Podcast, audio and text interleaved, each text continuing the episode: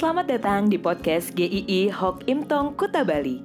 Penginjil Ray Reginaldi akan membagikan renungan harian singkat untuk membawa Anda mengenal dan menyembah Tuhan Yesus, bertumbuh dan menjadi murid Kristus, serta berdampak untuk banyak orang.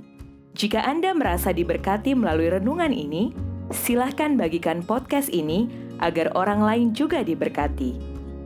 Inilah renungan hari ini.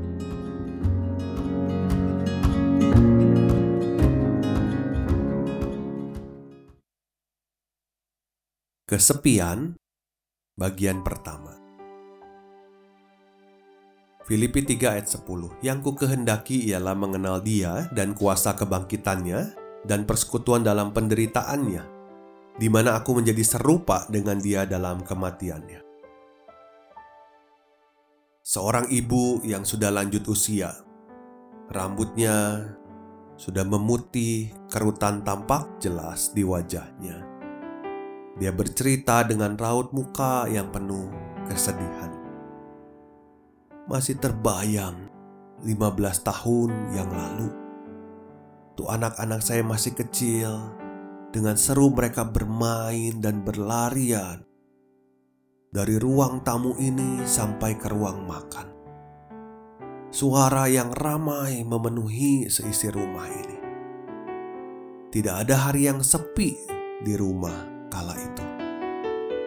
Tapi sekarang hari-hari saya dilewati dengan kesepian.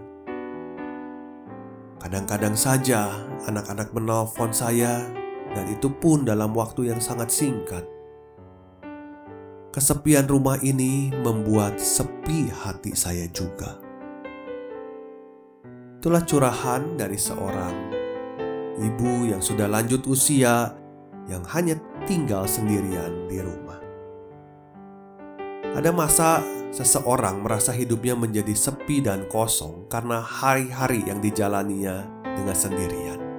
Bukan hanya orang tua, tapi orang muda pun bisa merasa hidupnya kosong dan kesepian, merasa dirinya sendiri, jauh dari keluarga, teman-teman juga tidak memahami dirinya, sepi rasanya. Seseorang yang merasa hidupnya kesepian biasanya menjadi tidak mengerti lagi, tidak jelas lagi apa yang menjadi tujuan hidupnya. Tidak tahu harus melangkahkan kaki ke mana lagi di dalam hidupnya. Maka sebagai orang percaya, yang pertama adalah hiduplah untuk mengenal Tuhan Yesus lebih dalam. Filipi 3 ayat 10 Yang ku kehendaki ialah mengenal dia dan kuasa kebangkitannya dan persekutuan dalam penderitaannya di mana aku menjadi serupa dengan dia dalam kematiannya. Ayat ini ditulis oleh Paulus yang sudah tidak muda lagi, sedang terisolasi di dalam penjara. Namun dia berkata, yang ku kehendaki ialah mengenal Kristus. Kerinduan untuk mengenal Kristus akan membuat semakin dibentuk serupa Kristus. Anda mungkin hari ini ada yang sudah lanjut usia, tidak sekuat dulu lagi.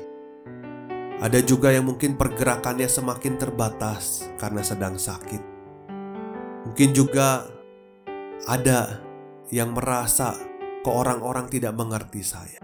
Tetapi biarlah kerinduan untuk mengenal Kristus lebih dalam lagi tidak pernah padam. Karena itu Anda akan semakin menikmati kehidupan ini bersama dengan Kristus. Ayo, jangan kendor dalam membaca dan merenungkan firman Tuhan. Buka kembali firman Tuhan, baca kembali, renungkan kembali. Dengarlah suaranya melalui firman-Nya. Masalah lain yang sering kali muncul dari orang yang kesepian adalah frustasi. Karena apa yang dihadapi dalam hidup banyak yang tidak sesuai harapannya. Dan itu sepertinya juga tidak bisa dia mengontrolnya. Maka Rasanya kepala begitu pusingnya. Maka hal kedua yang harus dilakukan saat merasa kesepian, isilah hari-hari Anda dengan doa. Kita tidak bisa mengontrol semua hal di dalam dunia ini karena kita terbatas. Tetapi satu hal yang tidak pernah membatasi kita apa pun keadaan kita adalah berdoa. Dan Tuhan yang kita percaya itu tidak terbatas oleh apa pun. Rasul Paulus menasihati jemaat di Tesalonika dengan berkata, "Tetaplah berdoa." Tidak ada situasi atau kondisi yang disyaratkan di sana. Kalau lagi baik keadaannya, kalau lagi banyak teman, kalau lagi pekerjaan lancar, bukan, tapi dalam keadaan apa pun tetaplah berdoa dan setiap orang percaya juga ketika dikatakan tetaplah berdoa, diminta untuk terus berdoa, tiada hentinya berdoa secara rutin terus-menerus berkomunikasi dengan Tuhan.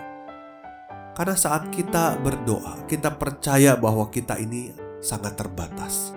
Tetapi Allah itu tidak terbatas yang memegang kontrol atas seluruh hal di dalam hidup kita. Hidup yang diisi dengan doa adalah hidup yang tidak pernah kesepian. Tuhan Yesus dalam menjalani hidup dan pelayanannya, kita menyaksikan dia tetap berkomunikasi dengan Bapaknya. Dan dia mengikuti kehendak Bapaknya. Walaupun itu mengerikan dan sulit sampai di kayu salib, tetapi itu memberikan satu kehidupan yang kekal yang indah bagi orang yang percaya dan Tuhan dimuliakan. Besok kita akan masuk bagian yang kedua dalam kesepian. Nantikan Tuhan memberkati.